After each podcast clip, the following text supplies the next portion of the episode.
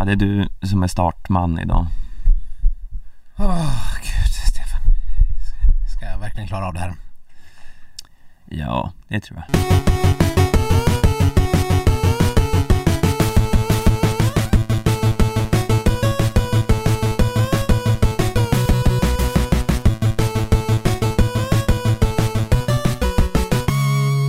Ja men hallå skidsnacks-lovers där ute. Det är skidsnack som är tillbaks med sitt andra avsnitt redan av denna rafflande skidsäsong och det har ta mig fan hänt grejer att prata om. Men vi kan väl börja med att rikta blickarna tvärs över bordet till Sköld.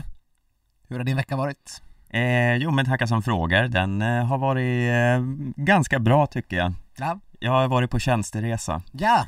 Vart då? Eh, jag har varit till eh, Strasbourg, Oj, besökt Europaparlamentet. men vad härligt. Ja, frågat ut eh, parlamentarikerna om snöbristen i Europa. Ja, Har jag inte gjort. nej, Eh, men du tänkte? Eh, tänkte, men de eh, var liksom mest engagerade i jordbruksreformen och sånt där. Ja, okej. Ja. Hur ser det ut med ökat anslag till byggande av skidtunnlar över hela Europa? Ja, eh, det var inte på dagordningen. Nej, Eh, det togs inte upp i kammaren. nej. Eh, men ja, själv då? Hur, hur har din vecka sett ut? Eh, jo, men tackar som frågar. Eh, jag var också på en tjänsteresa faktiskt. Jaha, eh, vart gick den? Ja, men det gick till Strasbourg, till Europaparlamentet. Jaha, Ja, men, visst. vad spännande. Ja, det var mycket trevligt. Eh, tog en liten fransk koll Ja, där i, i, i Strasbourg. Det ligger ju faktiskt på den tysk-franska gränsen ska man säga. Eh, jag har faktiskt, eh, för att hylla eh, Frankrike, gjort en liten eh, allmän eh, koll på hur, vad håller de på med egentligen där i Frankrike. jaha, ja. Eh, kan säga att Lucas Chanava Mm. verkar, verkar vara på gång. Han vann den sprinten som eh, ganska många eh, franska och tyska och eh, lite allt möjligt schweiziska åkare. De hade tävlingar i Pokljuka, Oj, oj, oj. Skidskyttemeckat. en av de roligaste skidskytteorterna att säga. Mm. Få höra Stefan. Pokljuka. Pokljuka, Pokljuka. Pokljuka. Ja, eh, Testa att säga det tio gånger snabbt idag, det är väldigt kul. precis i spegeln då kommer, det- Mm. kommer Ola Einar Björndalen träda fram. Väldigt läskigt. Jag ska på riktigt testa det här när Ja. jag kommer hem. Ja. Ehm, ja, uh, Chanava vann både prolog och eh, final. Eh, så eh, det verkar som att han är tillbaks i gammal god form. Ch- Renaud Chin var tvåa i sprinten. Sen var det lite andra eh, gamla klassiker som eh, Starega, polacken och Baptist Grås var ganska med, bra med. Eh, däremot på distansloppen i Pokljuka, de hade lite grann som som vi hade både i Sverige och i Norge. Eh, ett eh, 15 kilometers klassiskt lopp. Eh, Sen eh, i Pok- Pokljuka, Pokljuka, Pokljuka körde de eh, jaktstart istället. Eh, men där kan vi höja ett varningens finger. Jaså? Eh, Friedrich Moch, Mm. vad har du på honom? Eh, ja, inte jättemycket ska jag säga. Eh, namnet eh, finns där i bakhuvudet, Ja. men inte så mycket mer än så. Har du något, eh, något eh, rafflande att komma med? Nej, men han, var ju, han är ju en del av den här nya tyska unga spännande generationen som eh, mycket riktigt, eh, namnet har man ju hört bara för att han, han var ju med redan i fjol och gjorde resultat. Var, det, var ju, det var ju vid flera tillfällen som vi såg unga tyska löpare vara framme och, och ta liksom eh, ganska ganska bra placeringar. Nu Friedrich Moch tog en andra plats på klassiska loppet. Han är bara 21 år. Han är född, eh, född 2000. Mm. Usch. Usch, Usch. Usch. är det ens lagligt? Nej, jag vet inte. Får de, borde de inte, borde, ja nej. Kan inte de ha någon egen tävling bara? Mm. Alla som är på det nya årtusendet så klipper vi känna oss allt för. Usch. Ja, men i alla fall, han eh, knöt ihop det där ganska väl och eh, vann sen jaktstarten. Mm. Eh, före Arnaud Choutomps från Frankrike, en man jag typ aldrig hört talas om. Eh, och sen tysken Katz som också är en av de här Eh, kanske inte lika ung förstås eftersom han är, han är väl mer veteran i det tyska laget. Men eh, en del av det här landslaget som eh, har något spännande på gång. Men eh, har det här blivit någon form av eh, tysk-fransk eh, skidpodd Ja. plötsligt? Ja, men jag vill ändå, eftersom vi var i det här tysk-franska Alsace Mm. under veckan, göra ett litet nedslag. Men det, nu är det slut. Ja, skönt känner jag lite Ja. Återgå till eh, de gamla vanliga rutinerna Vi kanske ska börja med lite självrannsakan här efter en säsongspremiär också Jaså? Det är alltid bra Recensera sig själv lite eh, Har du lyssnat på första avsnittet av Skidsnack? Jag, började, jag lyssnade kanske på en kvart, sen blev det för jobbigt så jag fick lov att stänga av. Ja, okej eh, Jag har lyssnat Ja. Jag tycker att det var eh, helt okej Ja.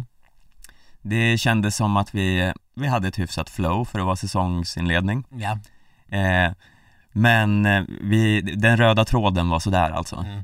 Det kändes som att vi var där, eh, en femåring på eh, barnkalas Ja. som eh, stoppade i sig liksom 25 chokladbollar och eh, 15 muffins och eh, ja, dricker kopiösa mängder saft och sen bara helt plötsligt Bara exalterar, jag säger liksom bara i gasen och sen bara kräks Ja. Lite så utvärderar jag våran premiär Ja, men det kanske var så jag kände. Det var ju lite stickspår. Nu, nu börjar jag dagen med ett stickspår, men det var ju ändå i skid, skidandets tecken Ja, någonstans. Eh, det kanske var lite mer alternativa stickspår sist. Mm.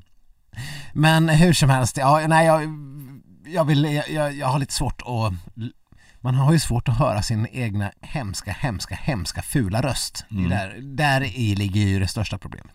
Ja, men eh, kul att ni lyssnar i alla fall. Eh, många nya lyssnare vad det verkar, om man ska eh, inte tro att det är någon konspiration bakom eh, eh, lyssnarsiffrorna. Eh, men eh, välkomna hit. Eh, ni kan nu för tiden prenumerera på oss i Aftonbladets app. Wow. Mm. Kan man eh, klicka i eh, favorit eller något sånt där, ett litet hjärta i hörnet på Precis. något sätt och så får man en liten, liten flash när det kommer ett nytt avsnitt. Jag tycker också att eh, ni ska gå in och recensera oss på iTunes och sånt. Det är alltid kul. Och- Eller, eller lämna ett sånt stjärnbetyg eller Ja, helst en femma. Vi har nästan bara femmor förutom en eh, etta tror jag, där är någon som säger värdelöst. ja, var, var det värdelöst som var kommentaren? Ja, och en eh, kräkande emoji. eh, Ja så men det vi gillar vill ju väga upp från den då såklart. ja. Eh, och eh, till alla er nykomna lyssnare, vi brukar ju dra den här raddan i slutet, men vi tycker också att ni självklart ska följa oss på Facebook och Instagram för eh, the latest. Just det, här hittade jag den. Eh, 16 december 2020. Eh, Rubriken Blä. Mm. Eh, vilken skidpodd. Vilken skitpodd. Och sen en jättearg emoji. Ja. Eh, för mera sådana härliga kommentarer, liksom surfa in på iTunes och eh, lämna eran Mm. eh, eh, usla omdöme om oss. Ja, och eh, bara en sista sån här pliktskyldig reklam, eller reklam kanske inte, men en uppmaning. Skaffa ett fantasylag. Ligan är up and running. Gå in på, vad är det, fantasyx, eh, C. C- Ja. xc.se. Det räcker om man, om man googlar Noah Hoffman fantasy så, så kommer man fram dit lite snabbt. Men det kan man ju säga att eh, mitt Friedrich Moch-tips, han lär inte kosta många kronor. Det kanske kan vara någonting eh, att satsa på direkt. Mm. En ny grej som jag såg från fantasyligan är att de har skaffat en Twitter-kanal där de ska börja leverera vilka som åker i alla tävlingar Ja, för att underlätta Er välkommet tillskott för att man sitter där på fredagen och ska liksom ta ut sitt jävla lag och så har inte FIS lagt upp trupp eller liksom startlistorna än och, och så ska man välja, ja men så kanske det är för något sprintlopp eller något lo- längre lopp och så har man ingen aning. Eh, det är en bra service. Mm. Och eh, ja, då ska ni också gå med i ligan skidsnack såklart och eh, lösenordet eh, som vi glömmer hela tiden, men det är skidsnack med stort S, alternativt skidsnacks med stort S. Ja, Ja, något, av av dem. dem. Något av dem. Eller Mm. prova olika varianter av skidsnack eller skitsnacks bara, så kommer det glösa sig till slut. men nog om det. Ska vi börja eh, gå in på veckans eh, Ja, vad, vad vill du prata ämnen. om? Eh, ja, det känns ju svårt att prata om något annat än eh, de dystra beskeden som kom från Gällivare här. Eh, skadekaos gånger två Mm. och vi pratar väl kanske främst då om Jonas Sundlings tumme. Ja, återigen, vi, vi var inne på lite där Linn Svans fallskada som inte såg så jävla allvarlig ut. Jag tyckte ju, här, här såg det ganska brutalt ut kanske men eh, Tycker du? Jag tyckte inte alls att det såg något farligt ut. Nej men du vet när man ramlar sådär och måste ta emot sig, puff! Ja. bara. Och så såg hon att det var en isfläck och då kändes det ännu värre. Inte för att det, man ser ju inte riktigt isfläckar. Men... Eh, Nej men det var ju knappt som att hon var nere på marken, att hon mer liksom tog i lite och reste sig Ja. baklänges. ja, det kanske var, det kanske, kanske var mer så. Men det, det resulterade i någon form av uttänt ledband eller något. Ja, något ligament som, eh, eh, ja, var sargat. Eh, ingen fraktur vad det verkar, men hon har då tummen gipsad i fyra veckor och sen Mm. Får man hoppas att eh, hon har gått läkkött. Man gillar ju aldrig att, att, att höra folk få tummarna gipsade och sånt. Nej, det, och Men kan väl, hon verkar i alla fall ganska positiv själv. Jag kan läsa lite kort vad hon själv skrev på eh, Insta i typ eh, på onsdagen eller tisdagen. Luriga isfläckar är ingen hit alltså. Brustet hjärta. Men jag ser fortfarande mig själv tävla i vinter och jobbar för att vara tillbaka i spåret inom en snar framtid. Men då med helt tumme. Glad smiley. Har för övrigt fått världens smidigaste gips som jag kan både träna och duscha i utan problem. Tack alla som hört av sig på ett eller annat sätt. Eh, det man kan läsa in i det här är att det var ju hoppfullt och bra men jag ser fortfarande mig själv tävla i vinter och jobba för att tycker det lät närmast oroväckande. Som att Ja. det finns en möjlighet att hon inte alls tävlar i vinter. Nej, och det det känns som det börjar bli någon slags förbannelse här. Vi pratade om det förra veckan att eh, vi har förlorat eh, spetskompetensen i Linn Svan och eh, Stina Nilsson på kort tid. Eh, nu förloras ytterligare lite spetskompetens här. Lite. Eh, mycket. Mm. Eh, sen finns det ju eh, liksom glädjenamn eh, där under men det är, det är ju inte längre det här givna trippelläget som eh, man har vant sig vid de senaste åren. Nej, verkligen. Eh, nej, vi får väl bara, alltså, jag, ja, man vill inte vara, måla fan på väggen här, men tummen är också så jävla viktig. Ja, Det går inte att göra någonting. Inte lika viktig som eh, Moa Lundgrens finger uppenbarligen eh, i din, eh, alltså nej, enligt din expertis. nej, den, det, var ju, det var väl att ringfinger, det, kunde- det kunde man väl bara plocka bort. Ja, ja, ja men lite så. Tummen är, ja det är svårt att hålla en stav utan en tumme till exempel. ja, fast det är skönt att slippa det där och eh, komma in i den här, eh, vad heter det, bandet eh, som man stoppar in handen i på staven.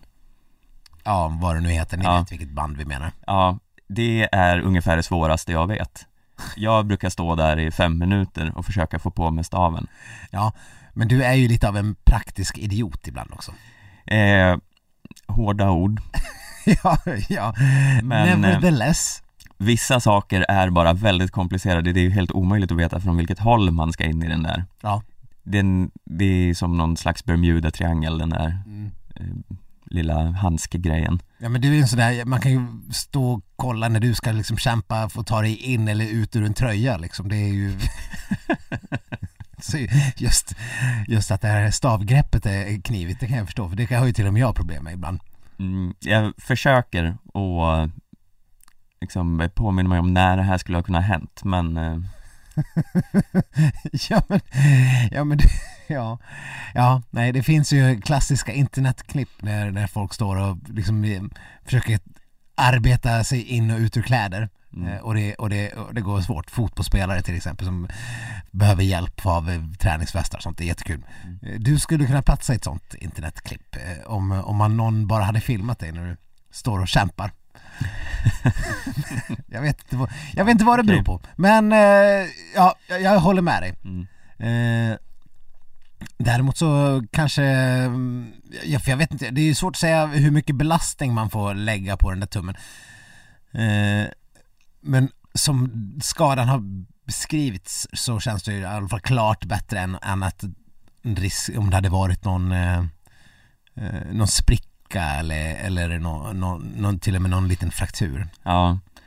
Men alltså jag måste säga att med dagens eh, eh, teknik Mm. kan man inte bara liksom hårdlinda tummen in till handen och sätta dit en bionic thumb Alltså bara någon stor eh, fake-tumme eh, För att ersätta sin naturliga mänskliga tumme Är den verkligen så här, gör man så mycket med själva tummen? Ska den inte bara vara där och sätta ett grepp om eh, staven? Ja, men, jo, men det är väl just själva greppet. Ja, Det, du, du får väl ganska mycket kraft ut från tummen ner i staven, misstänker jag. eh, jag hör vad du säger Från skjutet liksom. Eh, men, och jag tror inte det är liksom det är något man kan eh, kanske snickra ihop hemma själv men jag tycker att eh, ett eh, skidlandslag borde ha den eh, eh, tekniken att de kan tillverka en borde- att, det, att eh, materialarna ska ha liksom eh, olika robottummar i,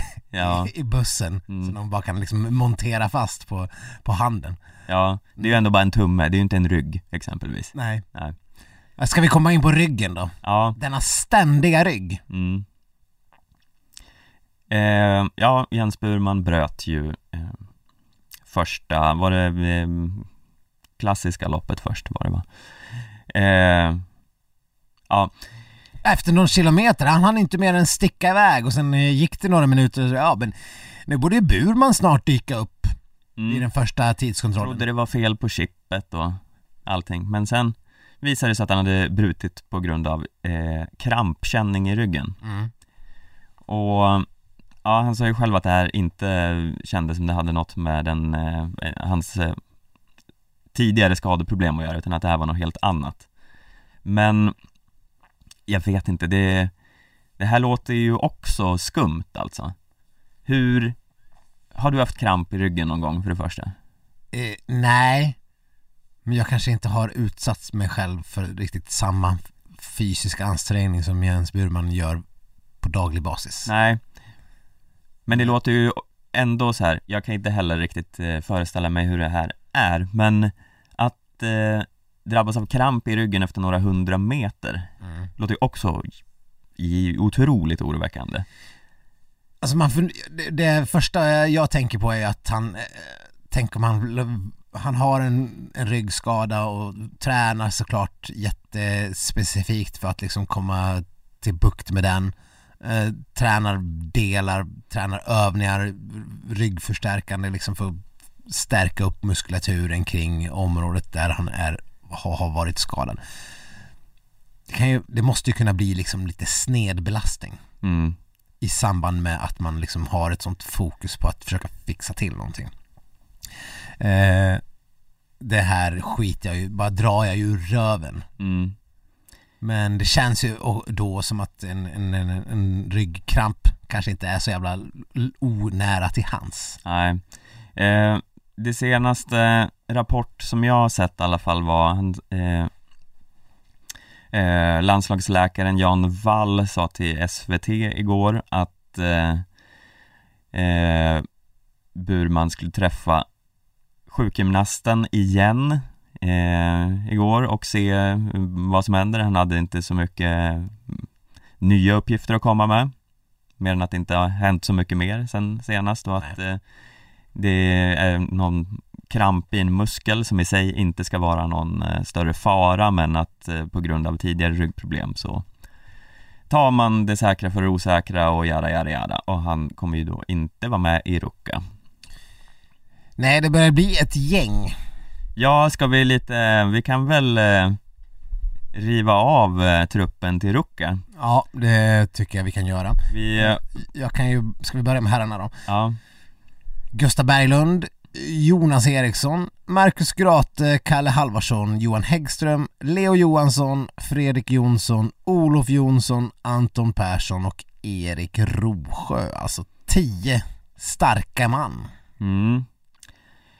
Eh, ja, Spontan kommentar. det, det finns många aspekter av den här truppen. På Mm. liksom, när man bara ser den framför sig så är det bara oj, vilket eh, newbie-gäng. Mm. Eh, inte många världscuppoäng eh, är samlade i den truppen inte. Ja, nej, fördelat på, om man delar med tio så eh, det blir inte, det blir inte många. Jag menar, det är ju, i princip är det väl bara Kalle och Johan Häggström som, som har ens lite.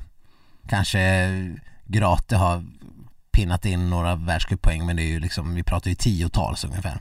Ja, eh, men eh, vi kan väl syna den här truppen lite då, för vi har ju fått lite besked från de här åkarna här i helgen. Eh, vi har ju bland annat eh, succémannen Leo Johansson. Ja, vad säger vi om honom? Det var ju... Är det ett... Är det ett monumentalt genombrott vi såg? Eh, man, så här, man kan ju hoppas det. Man får hoppas att Dario Colonia var i liksom världsform, ja. för det är lite svårt att bedöma utifrån eh, motståndet där. Eh, särskilt när inte varken Burman eller Poromaa var med. Man får säga att det är en hyfsad skalp att slå, slå, jag menar hur många gånger har han vunnit totala världscupen? En handfull. Ja, Och eh, Tour de Ski och OS och VM och fan allt möjligt jävla härj. ja, Eh, så att, det- att, att bara kliva fram och slå honom eh, med, vad var det, sju sekunder eller någonting. mm. Ändå. Ja, och i två lopp dessutom. Ja. Eh, han vann ju båda loppen och även om Colonia inte är i någon eh, världsmästarform kanske, så han har ju ändå genom de senaste åren ändå varit en stabil liksom, världscuppoängtagare.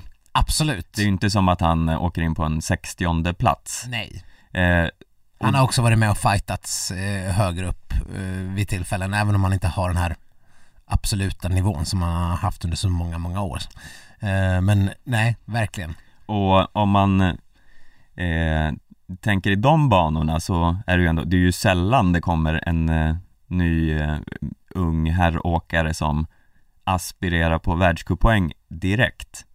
Eh, nu är väl det kanske att dra liksom, stora växlar av det och hoppas på mycket men eh, ja, alltså, det, det känns ändå, man får ta med sig eh, de glädjande beskeden från den här helgen. Alltså jag tycker ändå, eh, jag tycker vi behöver inte sätta några förväntningar men jag tycker det är väl helt realistiskt tänker jag att kunna tro att han ska kunna vara med och fighta som världscuppoäng. Ja, det får man väl ändå bedöma det som. Eh, om inte så, vad säger det om Kalle Halvarssons form? Mm. Ja, Kalle Halvarssons form är väl skrivet i stjärnorna vad, vad den eh, betyder någonsin. Ja, vad var det han sa själv? Att, eh, nej det kändes lite, kändes lite motigt men ja, jag kändes lite som, men vi får se hur det är i Ruka nu. Mm. Det är som att han inte har en aning. Nej, och han eh, var väl heller inte så oroad för han tyckte inte att han borde vara i formen. Nej. Så, ja. Nej. Nej visst, men eh, jag, jag, tänk, jag ser framför mig att Leo Johansson kommer ta, eh, kommer ta världscuppoäng. Mm. Eh, många vi, vi, vi vet ju väldigt lite om hur folk står uppenbarligen. Eh, det är ju Norge var det liksom vissa skrällnamn. I Sverige har vi de bästa namnen inte ens med. Eh, de, vi har, de vi har störst förväntningar på, eh, Burman och eh, Poromaa, eh, Mm. var ju som bekant inte med. Men han sätter ändå alla på plats i två lopp. Mm. Hade det varit ett lopp hade det varit en sak, men det här sker i två lopp på två dagar. Det, det talar ju för att han har en nivå som är hög. Mm. In, för enskilda lopp, men skulle det ha varit en total jävla lyckträff, då hade han inte kunnat upprepa samma sak lördag och söndag. Det hade ju varit helt omöjligt. Det här måste betyda att det indikerar på att han har en grundnivå som är väldigt hög. Så är det bara. Eh, och det faller ju också lite på plats med vad man har pratat om under så många år. Eh, jag såg att han hade fått eh, ett Johan Olsson stipendie för ett gäng år sedan. Eh, och jag tror det var, ska vi se, jag, har datumet här någonstans, 2017. Ja, alltså vad, vad började det bli? Fyra år sedan. Mm. Eh, då ju Johan Olsson eh, beskriver Leo som en väldigt stor talang.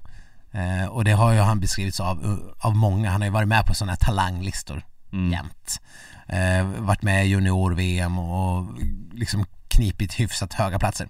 Har du någon eh, spännande kuriosa på Leo Johansson?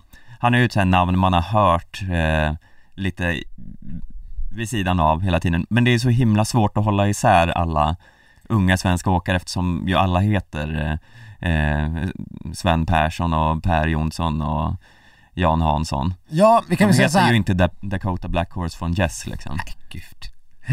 Nej, det gör de verkligen inte. Eh, men det som särskiljer Leo Johansson kanske allra starkast från många andra är att han är ju född och uppvuxen i Skillingaryd.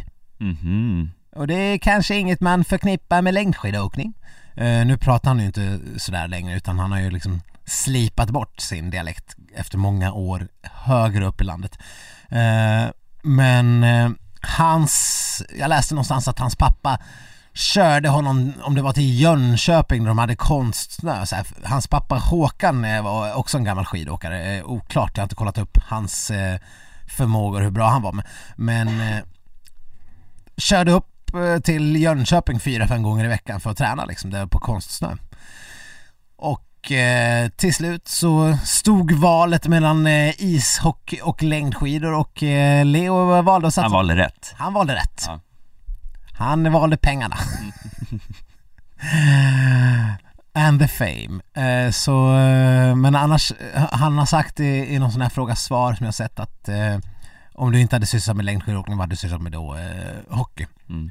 Men jag, det är skönt att han gjorde det för jag har sett så mycket eh, unga hockeyspelare som eh, åker till NHL och flyttar in i någon enorm lägenhet i någon liten så här, typ håla som Buffalo eller ja. någonting. Ja. Och de är ju så unga så de har ju ingen aning om hur man inreder en lägenhet. Nej. Så det ser ut som eh, liksom ett litet pojkrum fast man har för mycket pengar. Ja. Och det är en så deppig syn. Ja. Så jag hade inte velat se det för Leo Johansson. Hur tänker du dig att hans lägenhet ser ut nu då? Eh. Smakfullt inredd? Eh, ja, eh, bättre än vad det hade varit om man hade ja. blivit hockeyproffs i alla fall. Mm. Mm. I alla fall när han fick det här Johan Olsson-stipendiet då för fyra år sedan så eh, Johan Olsson såg väldigt mycket sig själv i honom. Eh, han har, han har beskrivit, han, är ju, han säger ju själv, jag är ingen sprinter direkt. Eh, han har kanske inte de där sprintegenskaperna utan han, han beskrivs som en åkare med en så stark motor. Bra uppför, håller hela vägen, kan gå ut hårt och, och bara köra på. Eh, och det var väl så i det första loppet i lördags att han, eh, han var med i toppen redan från början. Mm. Uh, han hade fått så här rapporter eh, efter första varvet att ja men du åker om en pallplats efter tredje varvet typ så här, ja men nu kör du om segern, det är du och Colonia typ. Mm. Och han Skön kunde... Eh, grej att få höra ändå. Ja, verkligen. Så han kunde ju trumma på. Och eh, ha, som sagt varit med i lite junior-VM, jag såg något resultat här från eh, om det var, ja det var förra året eh, när eh, vi hade William Porma som var och körde. Mm. Eh, I ett av loppen som var 15 kilometer, och då var det U23-klassen.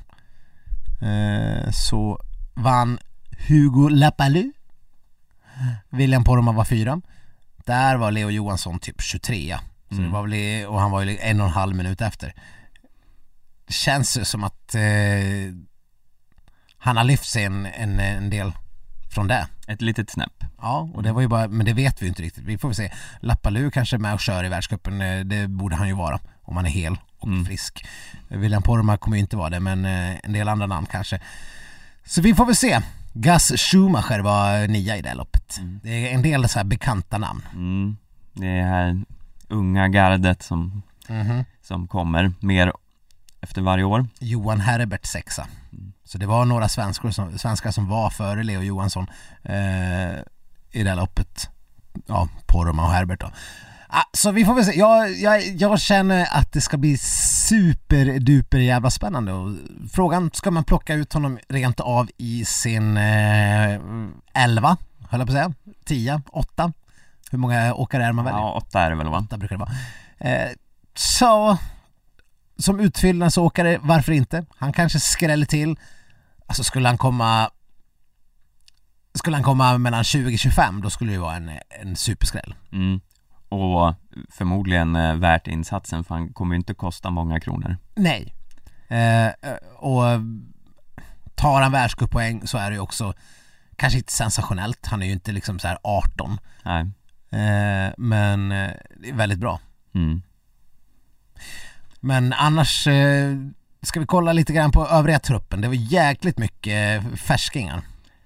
Ja, vi har ju eh, eh, Erik Rosjö som också gjorde bra resultat här i helgen. Han har ju beskrivits som den största talangen Mm. under, mång- under ett par års tid. Det är liksom, folk har ju kastat ur sig Erik Rosjö direkt. Mm.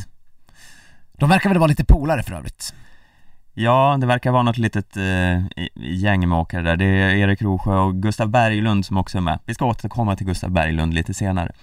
Eh, men det, det känns som det, det är den här eh, eh, generationen som är det här nya svenska spel eh, lag. Gud vad jag hatar att det heter Svenska Spel. Ja. Det går inte att säga.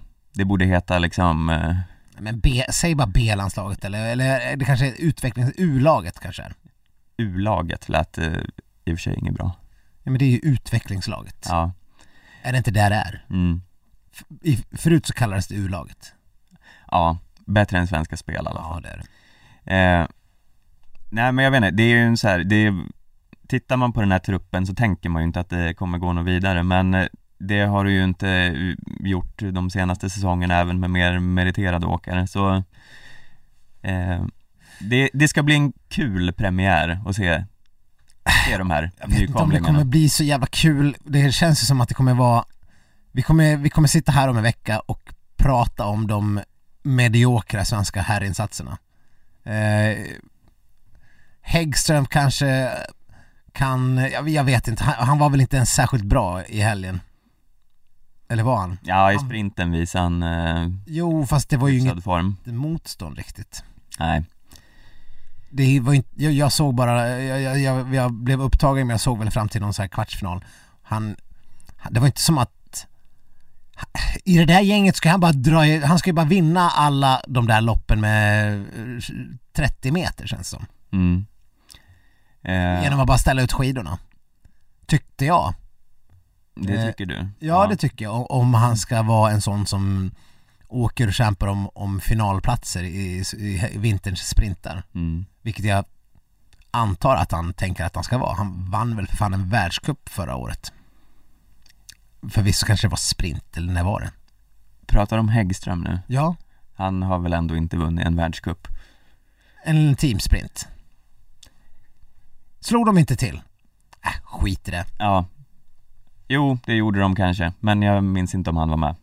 Eh, Jag tycker vi går över till damerna istället. Ja, det är lite eh, piggare läsning. Ja, där har vi då Ebba Andersson, Maja Dahlqvist, Anna Dyvik, Johanna Häggström, Charlotte Kalla, Frida Karlsson, Louise Lindström, Moa Olsson och Jenny Solin. Spontan reaktion på den truppen. Ja, men vad fan. Med, med tanke på bortfallet får man väl säga att det ändå vattnas i munnen. Ja, eh, vi hade ju inte riktigt den här eh, delikata Frida-Ebba-duellen som vi önskade. Det var ju ganska mycket Frida Karlssons show. Eh, jag vet inte, det är väl inte så att man behöver känna någon jätteoro för Ebba kanske. Det eh, kan väl vara lite att hon inte är helt formtoppad och ena dagen verkar också vara lite skidproblem även om hon inte eh, erkände det själv. Mm. Men man kunde läsa det lite mellan raderna. Så jag tror inte vi behöver oroa oss så mycket där. Men eh, jag vet inte, om man vill eh, se lite så här, om man vill ha en glad utgångspunkt här så var Frida ungefär lika mycket före Ebba i något lopp som Johaug var före Weng i det norska loppet. Och då tycker man ju att eh, Ebba är eh, lite bättre än Weng. Man, man vill ju att de ska vara det i alla fall. Mm. Så då känns det som att eh, Frida Karlsson är bättre än Johaug. Och så kan man ju hoppas att det var som Ebba in, in, vad heter det? In, indikerade. Att hon blev bortvallad. Mm. Fast hon inte ville säga någonting. I alla fall i det klassiska loppet. Mm. Hon skulle prata med sitt team först. Mm. Innan hon ville säga någonting om skidorna. Mm. Vilket, jag har aldrig hört någon, någon starkare indikation på att man haft dåliga skidor. Än att man säger att jag vill prata med mitt team innan jag säger någonting om skidorna. Ja. Well, Gå direkt in i vallabussen och örfilar dem bara. kan du, kan du se Ebba framför dig stå och örfila upp en vallare? Eh, Nej, det kanske inte riktigt är hennes stil, Nej. men det hade varit en rolig syn. Mm. Mm. Nej, jag, hon- jag kan mer säga henne säga, jag är så himla besviken. Mm. Det, det tror jag är värre än en örfil. Ja, Man vill inte ha att Ebba ska vara besviken på är bättre att hon är arg och örfilar upp en ja, än är besviken Ebba. Det känns hemskt. Ja. Men jag, jag, jag, ja, jag, jag är lite sådär eh, kluven. Jag, om nu är så att hon var bortvallad, men hon torskade även på fristilen. mm. Jag har ändå liksom lite grann hoppats att hon skulle kunna vara, vara ännu bättre. Mm. Tänkte att de skulle vara tillsammans mer överlägsna också. ja, De får gärna, nu var det ganska långt ner till Kalla eh, för vissa, men det kunde gärna fått varit ännu mer. mm. Det är allt jag begär. Jag vill att Ebba och Frida ska vara en och en halv minut före Kalla. ja, ja du begär mycket du, Ja. men jo så är det ju såklart. Men det här var väl eh, inte en så kallad jätteutslagsgivande bana om man ska eh, ta det i Anders Blomqvist eh, lingo. Nej, precis, det är bra. Eh, Så får man tänka absolut. Och, eh, men allt talar ju för att eh, Johaug kommer att sopa banan med konkurrenterna även i Ruka. ja, jag vill bara bygga upp lite eh, hopp. Men ser du framför dig att eh, Frida på allvar kan utmana? Eh, ja, alltså jo men det, det måste man väl ändå ha som eh, utgångspunkt. Vi har ju inte sett dem eh, bredvid varandra än, så det är eh, innan hoppet är dött så behöver man ju inte dystra ner sig. Nej, visst. Vad tror du om eh, Fridas utspel om att de ska börja åka sprint då? Eh, ja, men hon åker ju lite sprint då och då. Ja. Det är väl bra att hon eh, eh, ändå så här för, nu är ju inte det här en minitour, men eh, det kan ju vara bra att testa vingarna lite ibland. Eh, och hon har ju tagit sig hyfsat långt i sprinten. Jag tror ju aldrig att hon kommer vinna kanske, men, Nej, men där har hon ju ett trumfkort som Johaug inte har. Även om hon också kan ta sig vidare från en prolog och kanske till semi ibland. mm. Men Frida är betydligt vassare än Johaug i sprint. ja Johaug kan ju till och med vinna sprintar om de idiotiskt nog läggs de upp för en jävla slalombacke i Åre. Mm. Men eh, det Ja. var väl kanske första och sista gången. Ja, ja det får vi nog inte se igen. Men ja, jag, jag håller med, det är ju jättebra om hon eh, utvecklar det där för att det är jätteviktigt om man ska bli någon form av Tour de Ski-vinnare någon gång att man eh, inte är helt jävla kass på sprint. Mm. Eh, bara att ha de här explosiva egenskaperna kan ju göra att man kan fundera om man ska ha Frida på en sista sträcka i en stafett. Till exempel, det har vi väl knappt pratat om att ha henne där. Vi glömde Nej. förresten ta ut vårt stafettlag Ja, just sist. Men nu har ju förutsättningarna förändrats också så det kanske var tur det.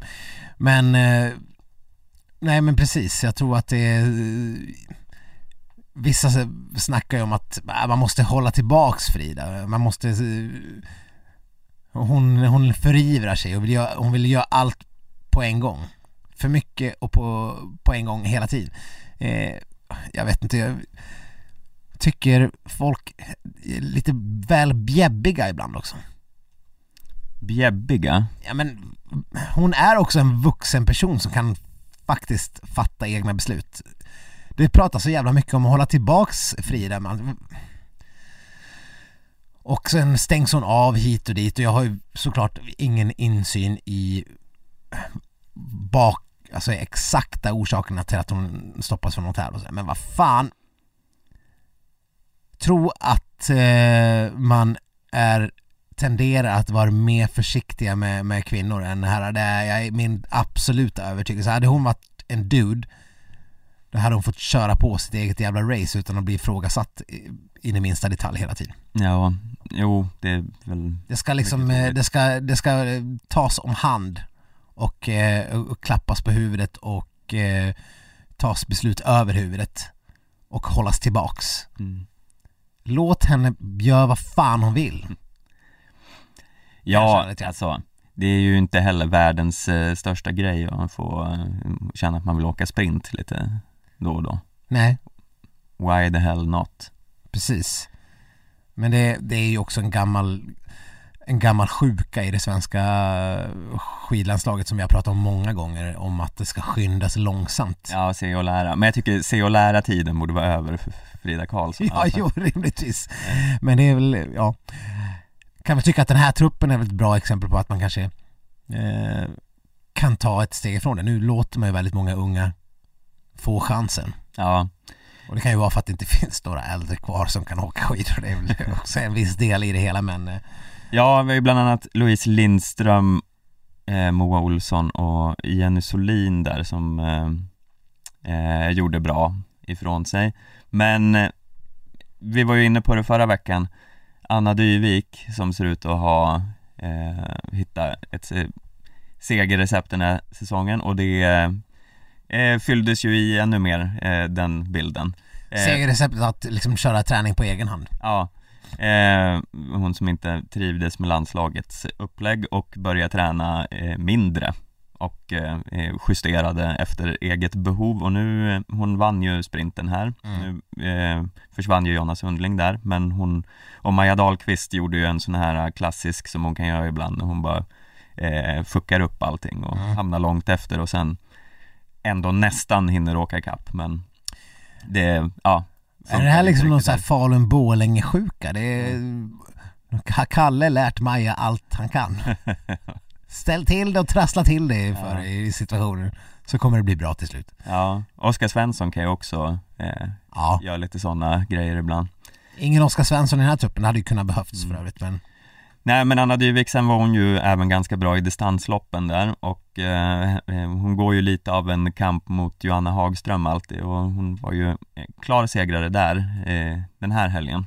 Så hon har, känner nog eh, en viss skön revansch där. Jag tänker, jag, man kanske ska varna lite för både Dyvik och Sandström inför helgen för Hagström, Hagström eh, Sandström nu Björn mm.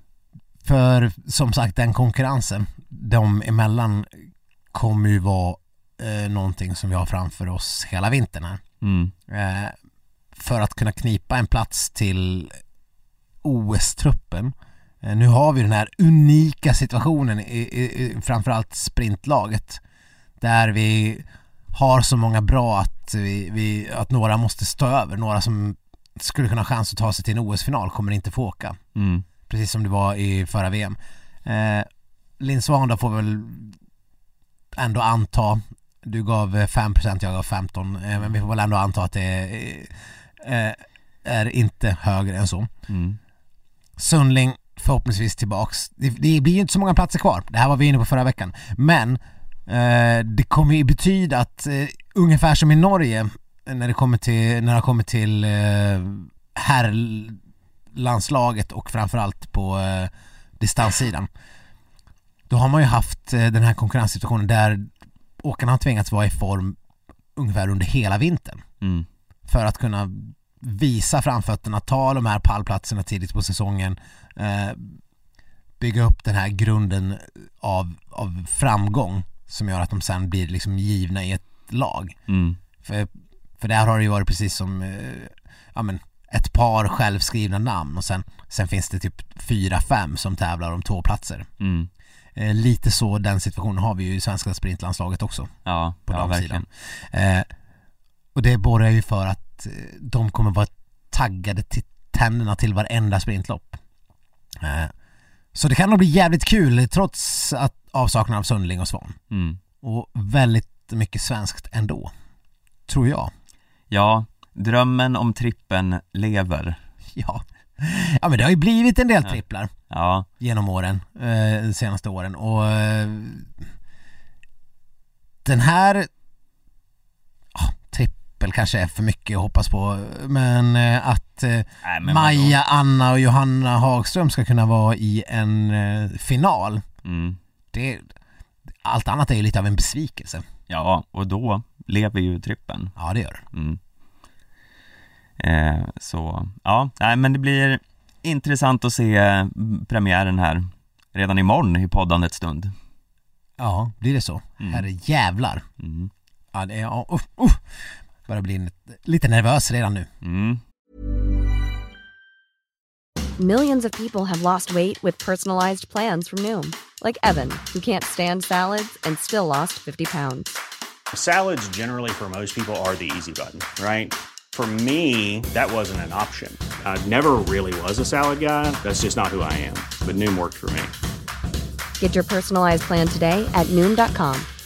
Real Noom user compensated to provide their story. In four weeks, the typical Noom user can expect to lose one to two pounds per week. Individual results may vary.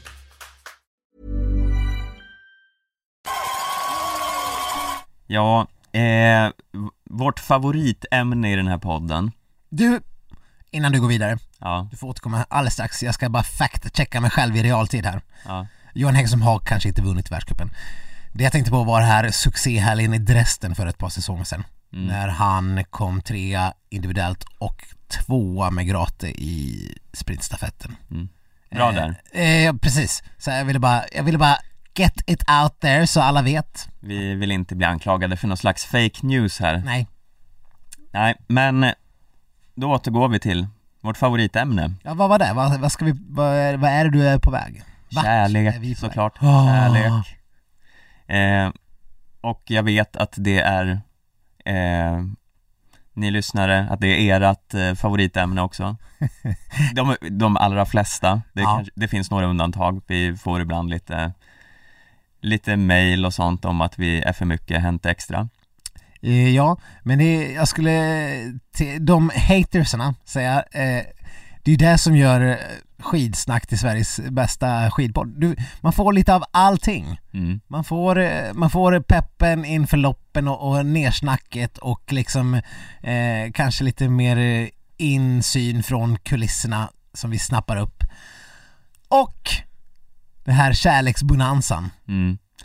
De Eh, hetaste skidparen, de Ja. nya skidparen och eh, eh, triangel eller kvadruppeldramerna som, eh, som finns i skidvärlden. ja. Eh, och här är det ett nytt hett skidpar. ja, och då talar vi inte om det nya skidparet Marcus Grate och Emma Ribom Nej. eh, som också är ganska nytt. Ja. Vi talar givetvis om Ebba Andersson och Gustav Berglund. Oh. Eh, eh, mycket, mycket glädjande tycker vi att vi har ännu ett skidpar. Jag tycker att alla borde vara tillsammans med varann. Jag vet inte riktigt. Eh, för några år sedan lanserade du en, eh, en teori som du gick igenom Ska du ta upp den här teorin igen? Jag vet inte om jag kan stå för den här längre. in, i minsta detalj. Ja, eh, om att det i alla skidpar bestod av två eh, stycken, eh, vad ska man kalla det? Två stycken eh, former av, av eh, varelser. ja, Ett vä- värddjur ja, och en parasit. mm, Eh, där du då menade på att eh, den framgångsrika i paret fick en parasit som, eh, som liksom försökte haka på framgångssagan och kanske liksom eh, sackade ner värddjurets eh, fortsatta möjlighet till succé. var det så det var alltså? Var det ungefär något sånt? Eh, om jag liksom drar det här eh, lite ur minnet. Jag tror det var så. Och i det fallet skulle det här innebära att du nu gissar jag eh, här, i det här fallet är det ganska solklart vem som är värddjur och vem som är parasit. Ja. Eh, ja, Inget ont om Gustav Berglund men eh, vem av dem som är den framgångsrikaste skidåkaren råder väl inga ja större- nej det, det råder ju inga tvivel. Eh, men var min teori verkligen så? Jag fick för mig att det var att eh, det fanns alltid ett värddjur och en parasit i ett eh, förhållande. Att eh, det var eh, ett, tvärtom, Jaha, att det tvärtom. var den framgångsrika som var parasiten som åt liksom upp den andra eh, och livnärde sig på den andra skidåkaren. Ja, det låter ju lite, Fast din, eh, din tolkning av vad jag sa för massa år sedan låter ju på något sätt bättre. Eller rimligare. ja, Man kanske får uppdatera den här teorin. du kanske har liksom nya teorin som omkullkastar allt. Ja, eh, jag är ju liksom eh, skidromantikens Aristoteles eller vad man nu skulle kunna benämna det som. Men jag, jag får återkomma med den här teorin för jag har den inte riktigt samlad känner jag. Nej. Okej. Eh, men hur som helst.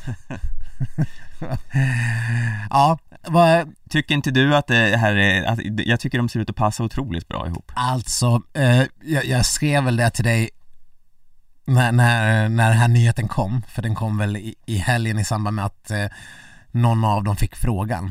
Mm, Ja men är ni ihop eller? Ja, Och så sa de ja vi är faktiskt ihop. mm, Och så såg man en bild på dem. De la väl också sen ut någon bild tillsammans. Eh, och ingen person i världshistorien har väl mer än Gustav Berglund haft ett utseende som totalt utstrålar person som är ihop med Ebba Andersson. Han är Ebbas nya kille helt givet alltså. Alltså det, om Ebbas nya kille ska vara någon kille så måste det vara Gustav Berglund. Det finns liksom inga alternativ. mm, De, eh, ja. De, de, eh, de passade för bra ihop för att de inte skulle vara ihop. Jag tror, det, jag tror det var någon form av universum som tvingade dem att bli ihop ja, på grund av passade för bra ihop. ja. Om vi ska försöka backtracka det här och gissa lite hur det här gick till. För vi har ju ingen aning riktigt. Nej, men här har ju våra, eh, våra jävligt bra och eh, välunderrättade lyssnare ryckt ut till undsättning. Ja, ja verkligen. Eh, det finns ju eh, mycket som talar för att det här skedde på en inflyttningsfest. Ja, lyssna på det här, ladies and gentlemen. Nej men eh, Gustav Berglund, han är ju eh, eh, från Sigtuna ursprungligen, Oj då, men har fint ska det vara. mm, tävlat för Mora. Men eh, här om året, eh, eller i höstas till och med, slutet av sommaren, vet inte exakt, gick flyttlasset till Östersund. 18 veckor sedan stod det väl? Ja, och eh, han la ju då upp en bild på detta på Instagram, Mm. att han ska flytta till eh, Östersund. Då skrev han Varning till alla östersundare, spänn fast säkerhetsbältena, lås era dörrar och teckna en försäkring för nu flyttar en övertänd dalmas in på körfältet. Eh, det här möttes ju av eh, massa glada tillrop från andra skidåkare. Bland annat av eh, Ebba Andersson. Mhm. Mm. Va, hur, hur, eh, hur bemötte hon detta då? Eh, hon skrev eh, eh, så här, alarm-emoji Men du är ändå välkommen Trevligt. Mm. Fick hon något svar? eh, Tack eh, eh, Rodnande emoji Vill du komma på inflyttningsfesten? Oh, oh, flirt alert! Räkna med mig, skriver Ebba Mm. eh, Glad smiley med tänder Ja. Sen kliver eh, Ebbas bror Fredrik in här Mm. efter Mm. Och eh, Fredrik och Gustav är ju eh, vänner BFFs forever? ja, Det kan jag inte uttala mig om Men de verkar vara ganska eh, tjo och i alla fall Mm, mm. Med eh, hjärtögon-emoji och eh, eld Ja men tror du det var till Ebbas och eh, Gustavs eh, konversation eller bara till hans bild? Det var väl mer till hans bild? Jag vet inte, inte så säker på det Ja, så, så, så du tror att Fredrik är en sån unik person att han... Jag menar, man vill ju inte att en syrra ska bli ihop med en kompis. Det är väl en mardrömssituation. Om det inte är ett sånt här meant to be-par då, Ja. som du redan har eh, förklarat att det är. Jo, men det är sant. Men okej, det var en inflyttningsfest här. Mm. Eh, tror du också att det var då eh, gnistan uppstod? Ja, Mm. självklart. Herregud. Kan du Eh, se den här festen framför dig? Ja, ja de lär väl ha trashat hela jävla lägenheten. TVn flyger ut genom fönstret. Störningsjouren fick göra fyra, fem påhälsningar. Till slut så kom polisen och stängde igen hela, hela kalaset. Mm. Ja, Hembränningsflaskorna var liksom eh, stod i drivor i den här lägenheten. mm. Jag eh, tror att det var så här. Jag ser framför mig ett beer pong-bord, Oj, Mm. ändå. fast utan eh, öl då. Det var ju så här vitamin well eller någonting i glasen. Ja. Och att eh, de tävlade i olika lag Ja. och eh, hade, gjorde upp i liksom en väldigt tät duell där. ja.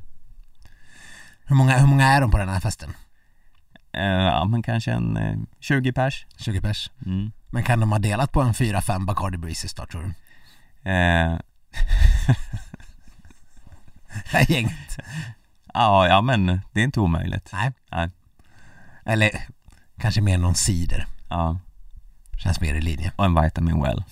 Fyra och en halv cider och, och, och vitamin väl. Mm. Lite utspätt sådär så att det inte blir för för eh, potent. Mm. Ja, nej men det, jag, jag köper det fullkomligt. Och när de står där och kastar pingisbollarna så så möts då Ebba och eh, Gustavs blick. Ja, och det var liksom Jag tänkte säga kärlek vid första ögonkastet men de har väl ändå träffat varandra tidigare så Kan det vara så att Gustav till och med liksom missar lite grann med flit? ja, Så att Ebbas lag ska vinna? mm. Kan vara så Och Ebba såg att, ja, jag, mm. I saw you. Mm. ja, vilken, om det var någon som var på den här festen, Ja, källskydd råder. mm. Ni kan tipsa oss, men vi vill veta allt vi vill veta allt, tipsa oss anonymt eh, på skidsnacketaftonbladet.se eh, Som sagt, eh, källskydd råder. Eh, ni är, your, your identity is safe with us. mm. Eller så bara skapar ni någon form av eh, alternativkonto och mejlar. Ja, Totalt anonymt. ja, Vi vill veta allt! mm. allt Mm. eh, Ja, Vad har du annars på Gustav Berglund? Eh, ja, eh, som tidigare nämnt då, eh, Sigtuna eh. Fast han kallar sig dalmas, jag vet inte om det här, jag, jag, som eh, äkta mas så vet inte om jag, om jag, är det här någon form av kulturell appropriering? Eh, ja, det är väl du bäst att bedöma som, eh, Ja men som vadå, har det liksom i blodet. om det kommer någon, någon no- 08 och börjar kalla sig liksom Hälsing, eh, vad, vad kall, vad, Hälsing? Ja, Här kommer hälsingen! vi är välkomnande vi hälsingar. Eh, så fort man flyttar dit så är man eh, hälsing. Jaha, ni är inte så här protektionistiska som vi, så här Ja. som, det är ju som det brukar vara att eh, stockholmare blir man fjärde generationen och göteborgare blir man dagen man flyttar dit. jaha, okej. Så det är lika med dalmasar och hälsingar? Ja, eh, tydligen. Ja. Nej men Å andra övrigt- sidan, vem fan flyttar till Hälsingland, Stefan? Eh, ja, faktiskt. Jag är nog benägen att hålla med. Men, eh, Ja. ja. Eh, du pratade tidli- t- tidigare om att eh, Leo Johansson hade fått eh, ett fint stipendium, ett Johan Olsson stipendium. Gustav Berglund har också fått ett fint stipendium. Alltså. Mora-Nisse-stipendiet. Oj! Mm, Det är ändå något. ja. Och han har ju ändå varit med i några år, eh, han har ju åkt världscup lite då och då, eh, tog poäng i Dresden, eh, om det var 2019 tror jag. Ehm, men 22 plats. Och sen har han gjort en del starter, mycket när det har varit i, i Falun och i svenska lopp. Eh, kanske inte gjort några superresultat men han har ändå funnits med där lite i bakgrunden ibland. Så han är ju inte en eh, fullständig duvunge. Nej. Eh, och eh, ja, eh, han var även eh, kransmas i Vasaloppet förra året. Ja, nu går skam på torra land. Ja. Här. Och jag vet inte. Alltså om man bodde i Sigtuna liksom första året av sitt liv eller något sånt. Då är det väl okej. När, när flyttade han exakt? Ja, det vet jag inte riktigt, men han har ändå tävlat för så här, eh, Arlanda Märsta. Så, ja. Okej. Kransmas trodde jag liksom ändå var någonting som verkligen var det här är liksom en skyddad titel. Ja, jag har ju rotat fram lite här att det var, eh, det var ju lite trist för honom att han fick vara kransmas det här coronaåret. Ja. Eh, så då fick de ju springa med munskydd där typ. Och fick inte, det var förbjudet att ge Lina Korsgren en eh, puss. Ah. Ja, det var ju lite, det var ju lite trist. Ja, Men eh, han fick i alla fall hänga, eh, hänga kransen om hennes hals. ja det fick han. Okej. Och han eh, verkar ha eh, varit nöjd och stolt och eh, skött uppdraget bra Mm. efter, enligt alla rapporter.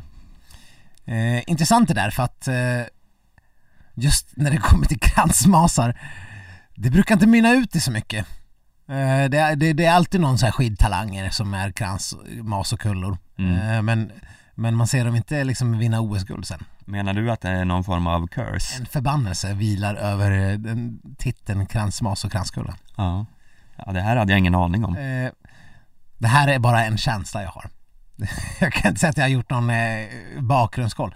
Det finns säkert, det står säkert någonstans alla som har varit krans. Kransmasen är väl ett hyfsat nytt begrepp, men eh, kranskullor. Ja. Ja. Någon gång ska vi göra en, eh, en, eh, en rejäl granskning. Mm. Så gick det sen för kransmasarna.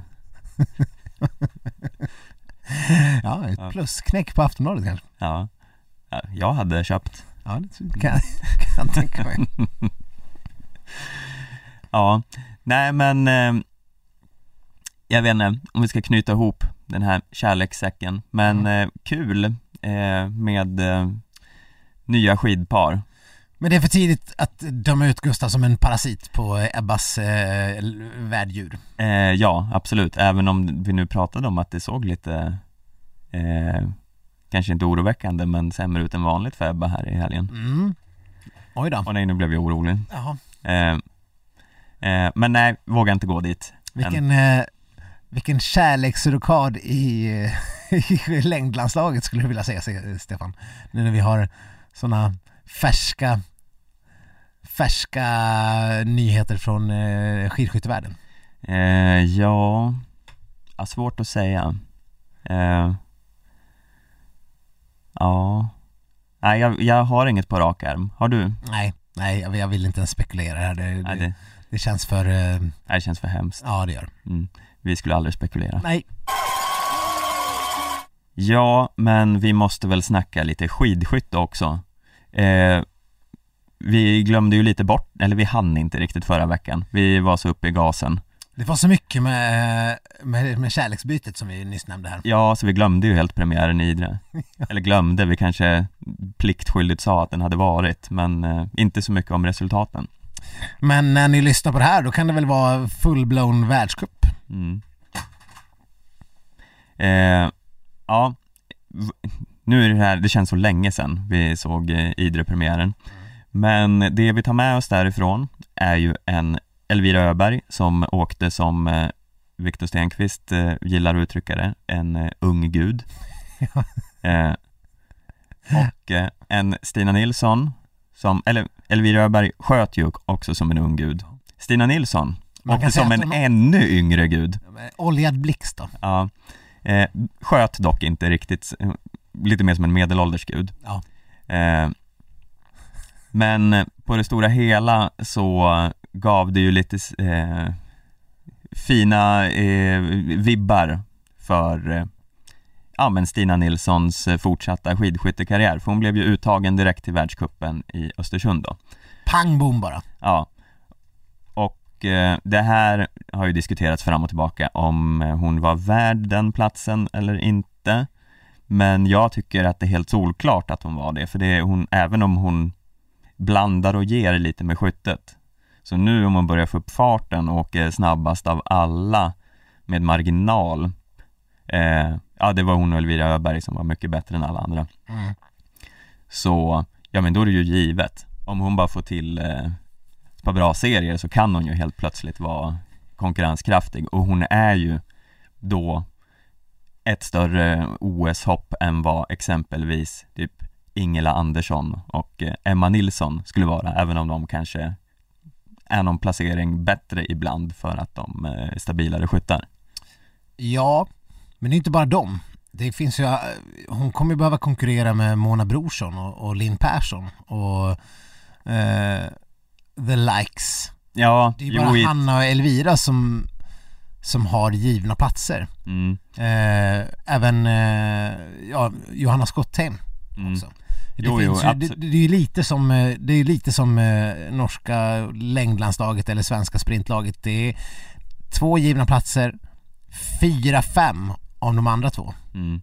Nej men till OS visst, där är det ju en bit kvar Men eh, till att få åka en världscup framför de här eh, namnen där omkring tycker jag det är helt givet Och Ja men jag vet inte du, vi, Det här pratar vi om varje avsnitt förra säsongen Ja. Om eh, Stina Nilsson borde lägga av som skidskytt eller inte eh, Och du var ofta ganska dyster Eh, ja, alltså.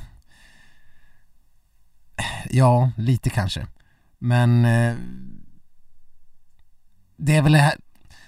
Slår hon inte igenom den här säsongen då börjar det ju bli, vi, vi pratade ju, vi jämförde bland annat med, eh, med Denise Hermans eh, eh, övergång. mm.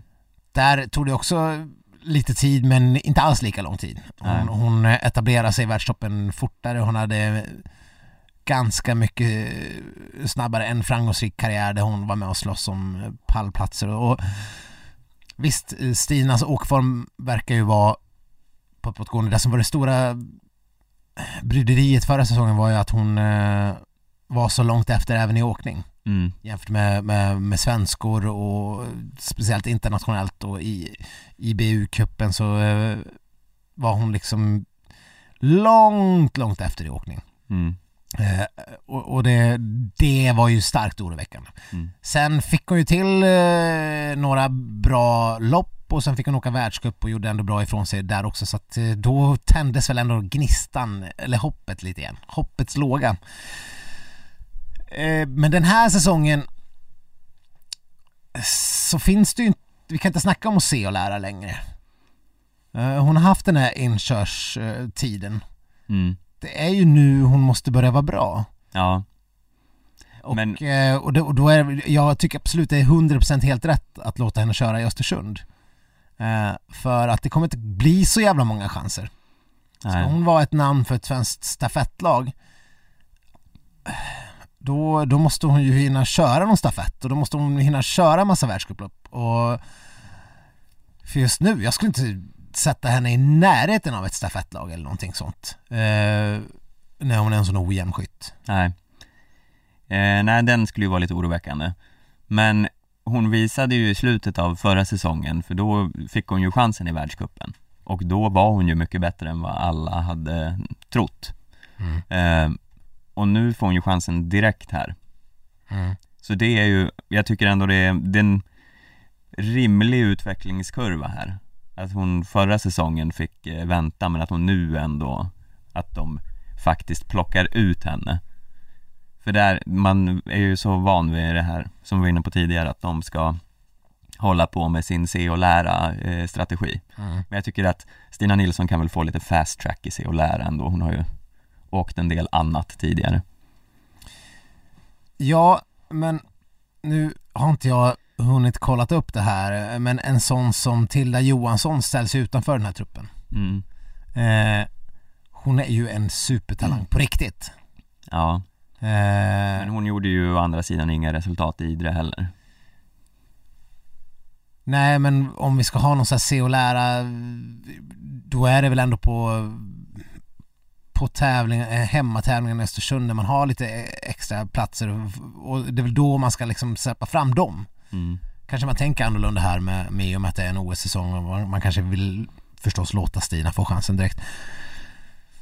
Men det är ju, det är ju den där oron som jag eh, luftade även förra året. Tar hon tar hon fokus från namn som kanske på riktigt är framtidshopp eh, i onödan.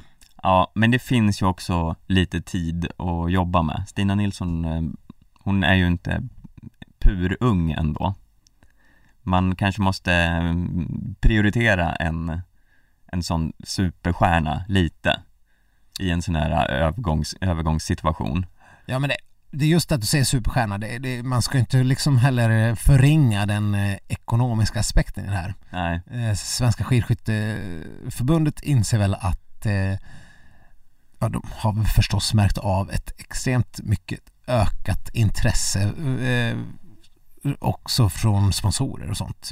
Stina, Stina kommer ju med en helt annat maskineri i ryggen när det gäller personliga sponsorer som också gör att eftersom det finns ett sånt otroligt intresse för henne som person det är lättare att knyta till sig större sponsorer till landslaget också. mm. Eh, Så hon är vi förmodligen en, en eh, jag tror inte det hade varit ekonomiskt försvarbart att hålla henne utanför landslaget. nej, Utan de är mer eller mindre tvingade. ja, och SVT lär ju tacka de unga gudarna för att eh, Stina Nilsson gjorde det här valet. The old gods and the new, Mm.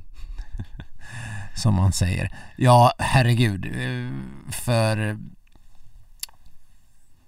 det kommer ju vara, det, det kommer ju vara rena, rena julafton på SVT varenda gång det är tävling nu. Mm. Och, och för Stina har ju, trots att skidskyttet redan innan hade hög status i Sverige i och med att vi har haft så, så många framgångsrika år så går det inte att eh, det går inte att bortse från Stina Nilssons liksom X-faktor Nej, eh, som eh, både OS och, och VM-guldmedaljör komma in och, och flytta fokuset till, till ny sport. Det är klart att det är fantastiskt. Vi får väl se. Det är väl, eh, det är väl på lördag det drar igång. eh, ja, det nu har jag tappat det i minnet här. 27 november läser jag mig till. Ja, eh, ja men det blir spännande och särskilt eh, Elvira Öberg också som ju såg eh, magnifik ut. Mm. Hon, eh, Elvira Öberg ser ut att vara den, ny, Charmant. mm, ser ut att vara den nya Hanna Öberg. Ja. Hanna Öberg som verkar ha drabbats av en parasit. Mhm. Eh, vid namn Martin Pontsilova. Ja, Mm. Jag kom på det här nu, men det kan ju vara det som har hänt. Kan vara det som hänt. Ja, Gud, eh, jag längtar redan till herrstafetterna. ja, eh, när de ska liksom stå där och, och typ bedöma varandras insatser eller liksom säga, Mm. säga någonting. mm. Hur var det med det utgångsläget som, eh, som Martin lämnade till dig, Jesper?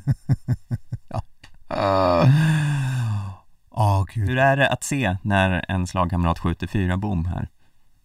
Mm.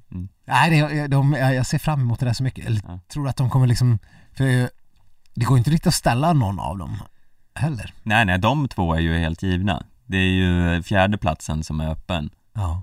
Så, ja. Nej, Och det kan ju också bli så här i de här mixed-stafetterna. För det är ofta att de tar. Sebbe och eh, Hanna till den här singelmixen. Ja, just det. Och så, Så då blir det ju Martin och Jesper. Eh, nu kanske i och för sig, ja, jo, nej men, eh, mm. Ja, intrikat. Det är så synd att eh, vi inte har eh, Fanny Johansson med i landslaget Ja. också. Tänk dig att se mixstafetten med Hanna, Fanny, Jesper, Martin. Ja, kom igen Fanny. You can do it. Mm. Det, hon har, det syntes ju faktiskt, hon får- fick ju vara med i tv lite grann där i, första helgen och jag har aldrig hoppats så mycket på någon enskild skidskytt i hela mitt liv. Nej, nej faktiskt. Det var- var liksom drömmen att hon ska ta sig in i landslaget. Mm. Men där verkar det vara ganska tufft just nu då. Eh, men vad tror du? Stinas första eh, ordentliga ja, hemmaplan och massor med tävlingar där. Jag vet inte vilka hon kommer få åka, eh, om, hon ska, om hon får åka allt. Mm. Eh, förmodligen är det väl så. Eh, Jag hoppas att hon, för hon blir ju inte så bra sidad än så länge eftersom eh, hon ju inte har så mycket världscupmeriter. Så hon hamnar ju ofta och går ut tidigt i lopp och sådär. Mm. Man hoppas ju att hon på något sätt lyckas Ja, hon kommer ju inte bli insidad bland de bästa men kanske får gå ut så här mellan några bra eller något så att hon inte behöver gå så här tidigt i loppet för det känns som att det jag, jag tror att hon kan göra bättre ifrån sig i liksom på samma villkor och ute och åka bland de här stora. Ja, det, det börjar med distansloppet på lördagen och det är, ja, alltså hon får gärna ta en minut per serie på sig där. Mm. Eh, eftersom varje, varje bom är så extremt mycket eh, kostsam. Mm. Men hon gjorde ju en bra distans där i slutet av förra säsongen. Mm. Eller var det, det kanske inte var distans. Hon har väl hon har varit, varit bättre på sprintarna. Ja, Eh, men, eh, ja. Ja, ja jag, jag vet spännande blir det i alla fall. Det, det blir det. Jag, jag skulle inte bli för, jätteförvånad. Nu, nu håller det här på, eh, de, de har ju återanammat förra årets upplägg lite grann i skidskytte världscupen. De kommer köra, inte, inte fullt ut som de gjorde förut när de var i flera veckor på samma ställen. Mm. Eh, Men det här kommer pågå ett tag. Det är 27 november, 28, 2 december, 4 december och 5 december. Mm. Avslutas med stafetterna. Eh, femte. Jag, jag, jag tror, jag skulle inte bli förvånad oavsett eh, hur det har gått om de inte kastar in Stina i stafetten. Mm. Bara för att känna efter. Ja, Hur hennes liksom, tävlingshjärna reagerar på att göra, köra ett lag. ja, Det tror jag man vill se. mm. Det är min five cents på den. Ja, nej men det låter inte alls omöjligt. Jag eh, både nästan hoppas och tror det. Mm. Ja, är det, Och eh, vi hade någon inledningsfråga hur, hur nära hon är OS. Jag tror efter de här tävlingarna kommer vi kunna se precis hur realistisk den drömmen är eller inte. ja, Det är så pass många tävlingar och eh, ja, bra cliffhanger där. verkligen. Så eh, vi lämnar ytterligare en cliffhanger som är att vi ska ta ut eh, damstafettlaget, vilket vi inte gjorde den här veckan heller. Nej det gjorde vi inte. Kom ihåg nu, nu har ni fan, när ni lyssnar på det här, om ni lyssnar snabbt så har ni ändå bara timmar på er att ta ut det hela fantasylaget. Kliv in och gör det. Ja. Eh, jag vet inte, vi brukar utlova fina priser. Ja, det blir samma fina priser. Samma fina priser. Härligt. Fina priser utlovas. Mm. Vissa vinnare har ju liksom snart en hel servis. Ja. ja, det är faktiskt några som är återkommande. Era rackiga jäklar. eh, vi hörs om en vecka. Följ oss som sagt på eh, Skidsnack på Instagram och Facebook. Tipsa alla era vänner och bekanta om podden. Mm. Eh, skriv en recension, eh, prenumerera, Mm. allt det där. Vi hörs om en vecka. Det gör vi. Hej då! Hej då!